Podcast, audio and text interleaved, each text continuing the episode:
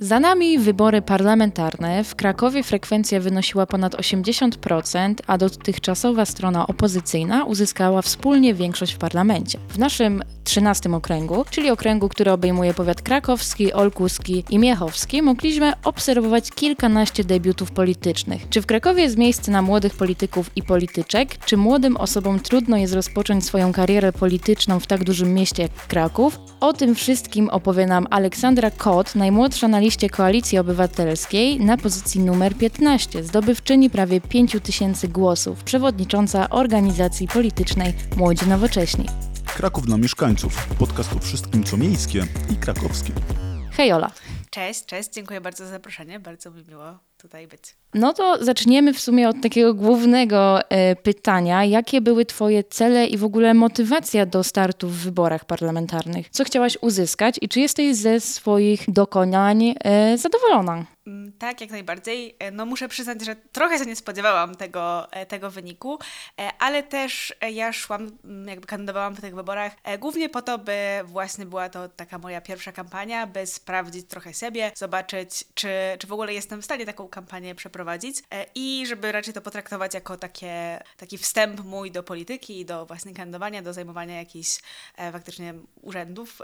Myślę też, że, że właśnie powodem, dla którego no ta, ta liczba głosów trochę przekroczyła moje oczekiwania, było to, że miałam naprawdę e, dobrze zorganizowaną taką ekipę młodych, nowoczesnych właśnie w Krakowie, e, która e, bardzo była chętna, żeby mi pomagać i bardzo się angażowała w te wybory i, i myślę, że po części to było też dlatego, że właśnie mieli takiego kandydata trochę jak oni, kogoś, kto z kim już współpracują od jakiegoś czasu i kogoś, kto jest, kto chce być takim właśnie głosem młodych ludzi, bo to jeszcze odwołując się od twojego w sumie pytania, to po części była moja motywacja, w sensie takim, że, że no ja oczywiście uważam, że to jakiś pomysł, merytoryka, doświadczenie kandydata jest, jest bardzo ważne, ale myślę, że też powinniśmy skupiać się na tym, żeby na listach były osoby e, właśnie młodsze, byłyby to na przykład też kobiety, czyli grupy, które są niedoreprezentowane w polskim parlamencie. Dlatego głównie, żebyśmy po prostu trochę zbliżali politykę do, do ludzi, że mam wrażenie, że jeśli na listach będą osoby właśnie młode, to to tym bardziej zachęca e, młodych ludzi do angażowania się politycznie, do głosowania, bo po prostu widzą, że polityka to nie jest coś, co dzieje się tam gdzieś daleko na Wiejskiej Warszawie, tylko to są też osoby z ich otoczenia, osoby takie jak, jak oni.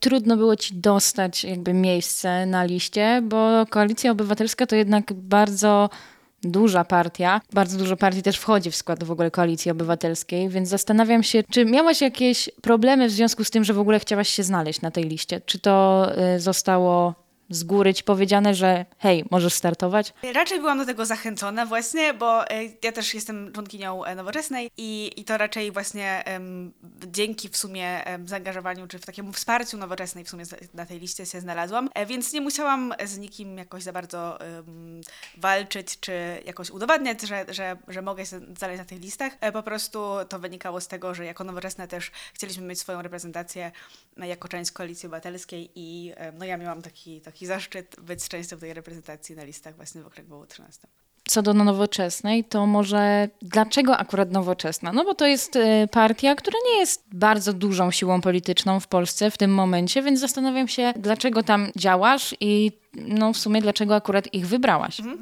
E, no ja dołączyłam do, do, młodych nowoczesnych w zasadzie, bo od, od młodzieżówki to u mnie zaczęło e, w 2017 roku, czyli to też w sumie, jak sama też e, jakby zauważyłaś, to nie był czas takiego piku powiedzmy nowoczesnej, to nie był czas, kiedy mieliśmy to poparcie naprawdę bardzo duże, ale mimo to sam sama idea partii, która jest jednocześnie, która promuje taką wolność gospodarczą, ale też wolność osobistą, której zależy na prawach kobiet, prawach społeczności LGBT, to było dla mnie bardzo coś ważnego, że ta partia e, no, łączyła to wszystko. I e, widziałam, że, że młodzieżówka też e, te same jakby wartości jakby odzwierciedla, e, więc to mnie bardziej przyciągnęło, czyli nie tyle nie chciałam iść do jakiejś organizacji, która jest największa, która e, ma najwięcej jakichś takich perspektyw na, na przyszłość powiedzmy, tylko bardziej wtedy jak miałam te 17 lat, bardziej liczyło się dla mnie, e, która partia najbardziej odzwierciedla moje poglądy i które ugrupowanie, czy właśnie młodzieżówka najbardziej się z nimi jakoś jest zbliżona do tych, do tych moich poglądów. E, I do tej pory no, jesteśmy partią parlamentarną, mamy mm, swoich posłów e, i ja bardzo jakby cieszę się z tego, że każdy z tych posłów ma taką swoją trochę działkę, zajmuje się konkretnymi sprawami i bardzo ich pracę jakby szanuję. Jestem e, pod wrażeniem też e, wyniku chociażby Adama Szłapki, który przecież zrobił, e, czyli przewodniczący Nowoczesnej, który zrobił trzeci wynik w Polsce. Więc mimo rzeczywiście tej jakiejś em, niewielkiej, niewielkiego poparcia, czy tego, że jesteśmy częścią, wiadomo, Koalicji Obywatelskiej, to, to i tak to jest, myślę, projekt, w którym warto być. Szczególnie młodzi nowoczesni, bo ja też trochę e, muszę przyznać, że patrzę bardziej na młodych nowoczesnych, czy na nowoczesną jako taką spo, spo, trochę społeczność ludzi, w tym sensie, że e, no, partie powstają nowe e, często na, na bazie grupy osób, które już znają się wcześniej z jakichś innych albo młodzieżówek, partii, jakichś innych projektów, więc ja trochę nie patrzę na szyld może, tylko bardziej na to, z kim współpracuję i jakby staram się teraz też na, na tym stanowisku moim przewodniczącym moich nowoczesnych e, budować po prostu tą, tą społeczność, żeby ona być może za kilka lat powstało z niej coś innego lub nie. Okej, właśnie wspomniałaś o tej e, młodzieżówce. Czy ogólnie ciężko było zacząć działać w młodzieżówce i teraz w ogóle jak to jest być przewodniczącą? Czy to zabiera ci bardzo dużo czasu w życiu?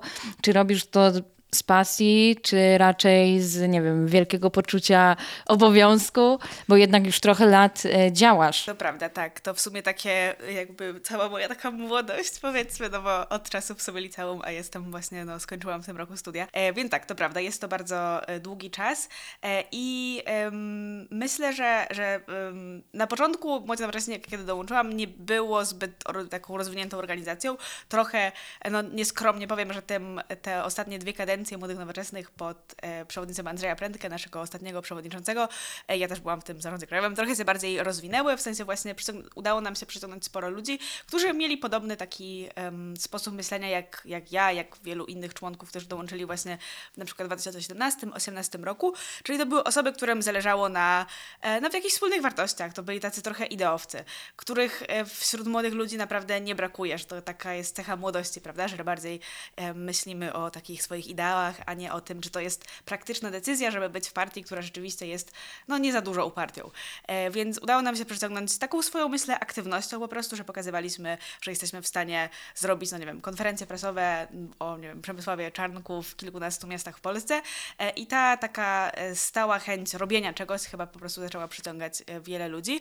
E, więc e, teraz myślę, że, że faktycznie udało nam się dotrzeć do takiego bardzo stabilnego, mm, stabilnego poziomu, ale no jakby chcemy się rozwijać dalej, przyciągać jeszcze więcej osób.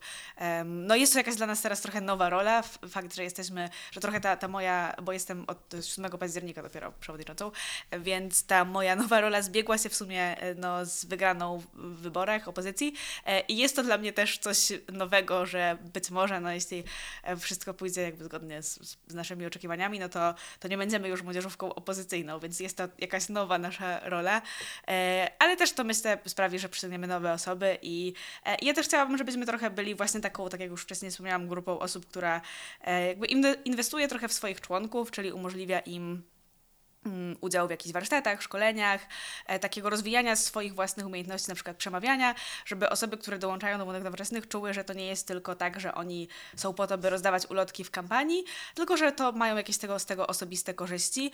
E, my też na przykład współpracujemy z organizacjami zagranicznymi i to też są bardzo duże możliwości rozwoju, żeby pojechać sobie na, na, jakiś taki event za granicą, czy współpracować z jakąś młodzieżówką, na przykład nie wiem, z Niemiec czy z Holandii. E, więc tych możliwości naprawdę jest bardzo dużo i ja też właśnie chciałabym tak odczarować trochę takie postrzeganie młodzieżówki jako takiego zaplecza e, partii, które tylko się pokazuje w wyborach. I myślę, że my też pokazaliśmy przez ostatnie e, kilka lat, że jesteśmy no, takim naprawdę dobrym partnerem dla Nowoczesnej i oczywiście w kampaniach pomagamy, e, ale to my też wprowadzamy taką trochę nową energię i to jest w sumie coś, co też sama Nowoczesna zauważa. Chciałabym zapytać o największe wyzwania kampanijne. Myślę, że największym wyzwaniem było spotkanie się z takim bardzo osobistym, jakby to ująć. Chodzi mi o to, że, że no jednak udzielając jakoś politycznie po stronie opozycji, e, przy jakichś wydarzeniach bardzo często tak ogólnie przez ostatnie kilka lat spotykaliśmy się raczej z e, negatywnym odbiorem, e, w sensie takim, że no nie wiem, gdy zbieraliśmy podpisy pod obywatelskim projektem ustawy, która miało przywrócić refundowanie in vitro, to zdarzały się osoby, które podchodziły i no, rzucały jakimiś wyzwieskami albo no takimi niez, po prostu ogólnymi, niemiłymi sformułowaniami co do całej opozycji na przykład. A tutaj jednak to było skierowane bardzo często, że w tej kampanii to było skierowane tylko do mnie. I to było coś dla mnie bardzo zaskakującego. Em, taką i chyba jest jedną z naj, naj, takich bardziej przykrych dla mnie sytuacji było, kiedy wracałam po właśnie jakimś rozdawaniu ulotek i miałam swój taki potykacz reklamowy z plakatem e, i miałam ten plakat jakoś tak zakryty, przykryty czymś trochę, ale widać było to serduszko Koalicji Obywatelskiej. To było w sumie tutaj niedaleko na przystanku Biprostel i e, pan, któryś, taki starszy pan, który siedział na przystanku, ja usiadłam koło niego z tym swoim plakatem i on, nie chcę cytować tego tutaj na wizji, ale no kazał mi w bardzo nieładny sposób sobie iść. E, i, I ja go zignorowałam, bo po prostu chciałam, byłam zmęczona, chciałam posiedzieć na tym przystanku. On siedząc obok, jakby cały czas to powtarzał, jak bardzo chciał, żebym ja zwróciła na niego uwagę e, i to było naprawdę, dopiero ktoś, kto stał na tym przystanku, zwrócił mu uwagę, żeby mnie zostawił po prostu w spokoju. E, I była to naprawdę bardzo dziwna sytuacja, bo taka, z którą no, nie miałam okazji się po prostu spotkać. Nie zdarzyło mi się nigdy w publicznym miejscu, nie wiem, z kimś tak jakoś wykłócać, albo żeby ktoś kazał mi właśnie sobie iść w nieładny bardzo sposób. Więc tego typu sytuacje były, no do takiego aż tak skrajnie to, to się zdarzało rzadko, e, ale ogólnie trzeba było być przygotowanym, że stanie się nazwanym, nie wiem, złodziejem albo e, komunistą, z czego się śmialiśmy też z e, znajomymi. Ale z nowoczesna lewicy. to nawet nie... Tak, tak. I właśnie e, kolega z list Lewicy, Daniel Duchowski, który też kandydował z Krakowa, chyba mogę powiedzieć jako imię, nazwisko, pamiętam, że so- sobie zażartował, że, że jak, jak wy nawet, jak liberałowie usłyszą, że są komunistami, to co dopiero mają słyszeć osoby z list Lewicy, bo właśnie on też powiedział, że, że oni też się spotykają, że właśnie ich nazywają na przykład komunistami, gdzie to są osoby, które mają, no nie wiem, 21 lat. E, więc takich wyzwisk jest naprawdę sporo i no jest to coś takiego trudnego do zrozumienia, w takim sensie, że no ta, ta, to, że jest taka polaryzacja społeczeństwa, to jest po części zrozumiałe i no też chyba normalne, nie wiem, że nie da się tego tak totalnie zawsze em, wyłączyć czy sprawić, że, że nie będzie takiej polaryzacji w społeczeństwie, e, ale fakt, że ona jest taka agresywna, że ludzie nie mają problemu, żeby do obcej osoby mówić takie rzeczy. No, że to już niestety weszło w stronę mowy nienawiści bardzo, a nie w samej po polaryzacji i jest mi przykro słyszeć od ciebie takie rzeczy, no bo jednak też dla takiej młodej osoby, która dopiero zaczyna swoją przygodę, to naprawdę musiało być e, mocne przeżycie, szczególnie tak personalne. Dlatego już nie będę cię dręczyć takimi dziwnymi pytaniami i e, już bardziej o miłe rzeczy zapytam na temat twoich planów i celów w najbliższym czasie. E, Na pewno chciałabym się skupić właśnie na młodych nowoczesnych. Tak jak wcześniej w sumie pytałaś mnie o to o pasję i poczucie odpowiedzialności, to chyba to jest połączenie i tego, i tego, w sensie takim, że no naprawdę ja, ja widzę, że, bardzo dużo mi po prostu młodzi nowocześni dali i bycia częścią takiej społeczności mi bardzo dużo dało. No sam fakt właśnie możliwości kandydowania w sumie, czy takiego rozpoczęcia swojej jakiejś politycznej działalności, e, ale też mam takie poczucie odpowiedzialności za to, że, że nie chciałabym mm, tego, co budowaliśmy, jakoś teraz już zepsuć i sprawić, że, że po prostu, bo, bo myślę, że taką naj, najgorszą rzeczą, która można zrobić takiej osobie, która jakoś dołącza do takiej organizacji, jest po prostu nie dać jej nic do robienia, sprawić, że ona nie będzie mieć żadnych, em, no, że po prostu z, z, tak zmarnować jej potencjał. Myślę, że to byłoby e, coś bardzo, czego bym no, ja, ja żałowała osobiście, więc na pewno chciałabym się skupić na młodych nowoczesnych, na rozwoju tej organizacji. E, No i być może w przyszłości też myśleć o kandydowaniu w, w wyborach samorządowych lub no, za 4 lata też będą wybory parlamentarne, więc oby były to za 4 lata. E, Więc myślę, że, e, że no, chciałabym spróbować jeszcze swoich sił w kolejnych wyborach któryś. Ale no zobaczymy jak to, bo to są też często rzeczy, na których nie zawsze mam wpływ, ale no, no chciałabym po prostu jakoś to kontynuować. Co... Czyli plany dosyć spore i czekamy na rozwój twój i nowoczesnej też. Ja bardzo liczę na, na to, że te młodzieżówki ogólnie będą się rozwijać, bo to jest fajne takie pokazywanie młodych osób, że ta polityka nie musi być taka skostniała. No, ale dlatego ja się cieszę, że są młodzieżówki, że są młode osoby takie jak ty startujące i że osiągają taki wynik, bo to naprawdę jest wow, po prostu. No ale ponieważ siedzimy w Kraków dla mieszkańców, muszę zapytać o Kraków, bo bardzo mnie ciekawi to, dlaczego właśnie okręg 13, czy w ogóle w Krakowie jest miejsce na młode polityczki? Bo nie dość, że jesteś młoda, to jeszcze jesteś kobietą. Czy to ci utrudnia w ogóle i wiek, i płeć, działalność? Nie wiem sama, bo trochę rzeczywiście w e, tej na przykład w, na, w mediach społecznościowych, e, no mam wrażenie, że jednak kobiety trochę częściej dostają komentarze takie bardzo, no ja też takie dostawałam, trochę seksistowskie, trochę takie komentujące też moje nazwisko w jakiś sposób, taki z jakimś podtekstem trochę nie za, nie za sympatycznym, więc to jest coś, jakieś, jakiegoś, jakiegoś rodzaju wyzwanie, ale mi się wydaje, że właśnie nawet, że, że zdecydowanie w sumie teraz nawet ta, ta młodość w Krakowie bardzo się e, przydaje, może to jakoś źle brzmi, ale że faktycznie jest chyba zapotrzebowanie na młodych kandydatów, bo ja słyszałam sobie takie głosy w czasie kampanii, że ktoś mi mówił, że na przykład, no moja siostra e, bardzo chciała, pierwsza raz głosuje i bardzo chciała głosować na, na kogoś młodego. Czyli no jest jakaś grupa wyborców, która trochę, nie, nie wiem, czy to, to jest pewnie postawa, którą część osób by uznała za niewłaściwą, bo trzeba wybierać osobę na podstawie programu czy merytoryki i to jest jakby oczywiście, rozumiem, ale to też niekoniecznie się kłóci z tą młodością, no nie? Więc myślę, że jest taki tak, młodzi też czują, że potrzebują takiej reprezentacji tak, tak. w swoim wieku, bo powiedzmy, że tak samo jak kobiety potrzebują swojej reprezentacji jako mając posłanki, to tak samo młode osoby wolą, żeby to młodzi posłowie i posłanki opowiadali o tym, co jest potrzebne. Tak, ja też nie widzę w tym nic w sumie złego właśnie, żeby szukać kandydatów y, pod względem jakiejś takiej grupy właśnie typu wiek albo płeć. Bo tak jak mówiłam, no, to też nie, nie, jest tak, że przecież na listach znajdują się jacyś totalnie takie osoby z ulicy, które nic sobą nie reprezentują. No ktoś musi jakoś za nich się wstawić, no nie? Czyli, czyli to, to nie są takie totalnie osoby, więc one jakby zasady już jakiś e, pomysł, jakąś kampanię przeważnie będą robić, więc, więc tak. Dlaczego okręg 13? No bo tutaj po prostu mieszkam, e, z Krakowem się czuję związana, mam, wiążę też swoją przyszłość, taką też y, zawodową, że właśnie tutaj będę odbywać aplikację adwokacką, więc jestem już też związana chociażby w ten sposób i no po prostu tutaj chciałabym się Jasne. dalej rozwijać. Więc przez to, że działasz w Krakowie tak długo, chciałabym zapytać zapytać z Twojej perspektywy, jakie były Twoje takie najważniejsze postulaty związane z Krakowem i czy gdybyś się dostała do e, Sejmu, to co chciałabyś robić dla Krakowa? Mhm. E, no myślę, że w Krakowie mamy problem z taką um, trochę planowaniem przestrzeni tak bardziej w taki sposób intencjonalny, w sensie poprzez te plany zagospodarowania przestrzennego i to skutkuje tym, że mamy takie obszary, że, że jakby ta rozbudowa mieszkalna jest na tyle taka um, intensywna i trochę może chaotyczna, że mamy takie osiedla, które są bardzo słabo skomunikowane z resztą miasta. E, no i też co do komunikacji miejskiej na pewno jest wiele um, tras, które um, trzeba byłoby skrócić, żeby, żeby ta... Na przykład? Na przykład 494 według mnie ma bardzo długą trasę, bo właśnie one mają Azory i Kliny, ja mieszkam na Azorach, e, więc chociaż mi bardzo ta linia osobiście pasuje, bo jest na Bifrostel, ale, yy, ale no, czy 194 też jest w sumie dosyć długie, więc te trasy, które mają najmniej, notują największe opóźnienia, ale myślę, że coś takiego, co w sumie nie da się trochę zrobić właśnie tak typowo lokalnie, chyba tak mi się wydaje, jeśli dobrze kojarzę, to mm, jest ten podatek turystyczny, czyli to trzeba byłoby zmienić tą prawda, ustawę, żeby można było wprowadzić go w Krakowie i to jest myślę coś bardzo e, ważnego, no bo jednak Kraków, mm, tak miasto silnie turystyczne. E, myślisz, że za dużo jest turystów w Krakowie i że właśnie to powinno być jakieś ograniczone? No myślę, że za dużo y, to może nie, w sensie ograniczone w takim sensie, żeby znaczy, to, to nie jest taka do, do, taki sposób na tyle, co. Bo jakby to rozwiązanie jest wprowadzane w innych miastach Europy i ono nie, nie powoduje w sumie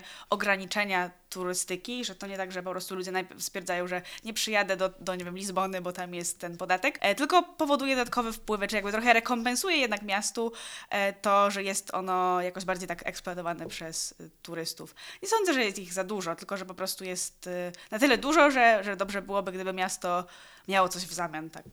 Co myślisz jeszcze, bo tak nawiążę jeszcze do tych turystów, o wynajmowaniu mieszkań na krótki wynajem dla turystów. Czy to powinno być jakoś w mieście uregulowane? żeby było więcej miejsc dla prywatnych, no i szczególnie studentów, bo Kraków to jest mocno studenckie miasto. Tak, tak, jasne. No właśnie trochę nie, nie wiem sama, jakie tutaj znaleźć dobre rozwiązanie, w takim sensie, że rozumiem argumenty obu stron po prostu, tylko no to by mogło się przyczynić trochę do zniechęcania jednak turystów, bo e, jednak z takich właśnie Airbnb korzystają raczej osoby, które e, pewnie celują w trochę, że nie, nie chcą korzystać na przykład z hoteli, które uważają za droższe, czy są jakieś droższe, e, więc pewnie by uderzyło w najbardziej takie osoby podróżujące, no właśnie młodsze na przykład. Nie, nie wiem trochę, czy rzeczywiście to by się... I czy to też by się przyczyniło na pewno na poprawę takiej sytuacji mieszkaniowej w Krakowie.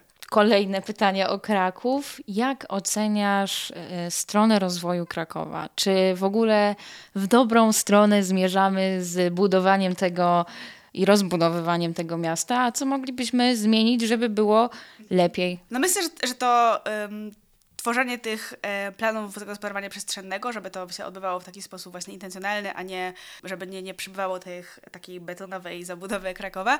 E, I na pewno też, więc jakby oceniam pozytywnie w tym sensie, że no jakby rozumiem, że te remonty zbierza- zmierzają też do poprawy jakiejś infrastruktury miasta, tylko no właśnie one często odbywają się, że to jest chyba taki obszar, w którym można byłoby próbować coś zmienić, żeby te na przykład remonty nie odbywały się em, czy, czy mm, no bo to jest coś chyba, co, co bardzo mieszkańców e, jakoś tam Drażni. drażni, że odbywają się e, te remonty tak intensywnie i, wie, i często w, jakby w je- jednocześnie kilka e, naraz, prawda? No teraz na przykład mamy z mostem Tak. grunwaldzkim i obok jubilatu ulica też jest całkowicie rozkopana. Myślę, że ludzie mieszkający tam nie są zbyt zadowoleni. No właśnie, więc może, może w tym sensie, że ta, że no dobrze, że mamy te em, jakby remonty, no co do zasady mają poprawiać jakąś infrastrukturę miasta i tak dalej, ale em, może to jest jakiś obszar, żeby one się odbywały w taki sposób, żeby nie, nie jednocześnie kilka naraz.